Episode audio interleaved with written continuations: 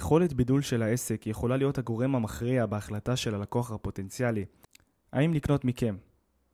לכן חשוב להשקיע מאמצים על מנת לבדל את העסק שלכם משאר המתחרים. במיני פודקאסט הזה נלמד על שיטה ייחודית לבידול העסק שלכם משאר המתחרים.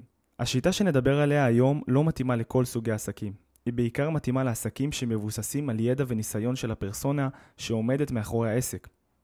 או על עסקים שנמצאים בענף רחב, לדוגמה עורכי דין, יועצי משכנתאות, יועצי מס, מסעדנות, חברות תיירות וכדומה. גם חנויות או עסקים אחרים יכולים ליישם את השיטה הזאת, אבל צריך לדעת לעשות את זה נכון ומדויק. כמו שאמרתי, אם הנישה לא מספיק רחבה, לא יהיה כדאי להשתמש בשיטה הזאת, ואני אסביר בהמשך למה. השיטה הזאת נקראת בידול על ידי יצירת מומחיות בתחום הספציפי של העסק. העיקרון של השיטה הזאת הוא לקחת נישה מסוימת בתוך התחום הרחב שבו אתם מתעסקים ולהתמקד ולהתמקצע בה. הרעיון הוא בעצם להתמקד בגזרה קטנה יותר וליצור מומחיות באותה גזרה. יצירת המומחיות באותה נישה תיצור מצב של בידול ייחודי של העסק בתוך כל הענף שבו אתם מתעסקים.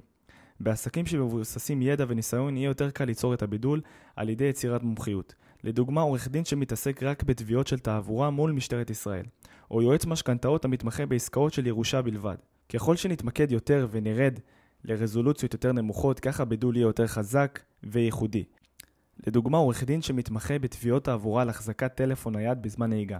שימו לב שירדתי בעוד רזולוציה והפכתי את ההתמחות שלו לרמה אחת יותר ספציפית.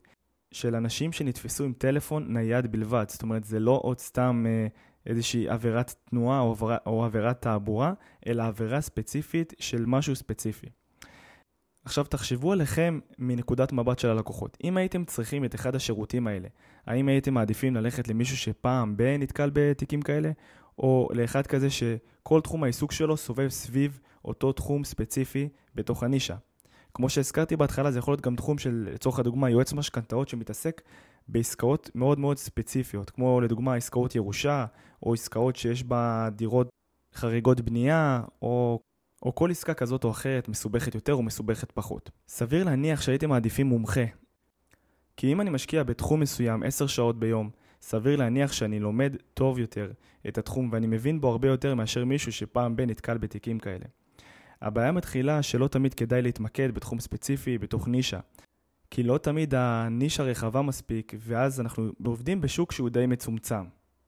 כמו שאמרתי בהתחלה, השיטה הזאת לא מתאימה לכל עסק. כי נסו לדמיין סיטואציה של חנות שמוכרת רק חטיפים מסוג אחד. זו דוגמה קיצונית, אבל במקרה כזה המיקוד לא יהיה כדאי. כי כמה כבר אנשים צורכים חטיפים רק של חברה אחת? חנות כזאת לא תשרוד יום אחד. אפשר לראות את השיטה הזאת בלא מעט עסקים, גם חנויות שמוכרות מוצרים, ולא רק בעסקים שנותנים שירות של ידע וניסיון. לדוגמה, מסעדה שמוכרת רק מאכלים שמבוססים על דג סלומון. קצבייה של בשרים עובדת על אותה אסטרטגיה של בידול. במקום לקנות מסופר בשר, אתם יכולים לקנות ממקום ספציפי שמתמחה בבשר. אז משימת הסיכום למיני פודקאסט הזה היא לבחון את העסק שלכם ולראות האם אתם יכולים ליצור מומחיות ספציפית בתוך הנישה שבה אתם עובדים. במידה וכן, תצטרכו לשנות חלק מהפעולות שלכם על מנת להטמיע את האסטרטגיה הזאת בצורה טובה יותר. כמובן ששינוי כזה לא יהיה מהיר וצריך לעבור תהליך מסוים שבו אנחנו משנים את המיצוב של העסק והופכים אותו למשהו יותר ספציפי. תהליך של הטמעת האסטרטגיה הזאת הוא תהליך שדורש מיומנות עסקית והרבה עבודה מאחורי הקלעים. ואם אתם רוצים שנעזור לכם להטמיע את האסטרטגיה הזאת בעסק שלכם, חפשו ביזנס אפ בגוגל, תשאירו פרטים במחלקת הייעוץ והליווי ואנחנו ניצור אתכם קשר.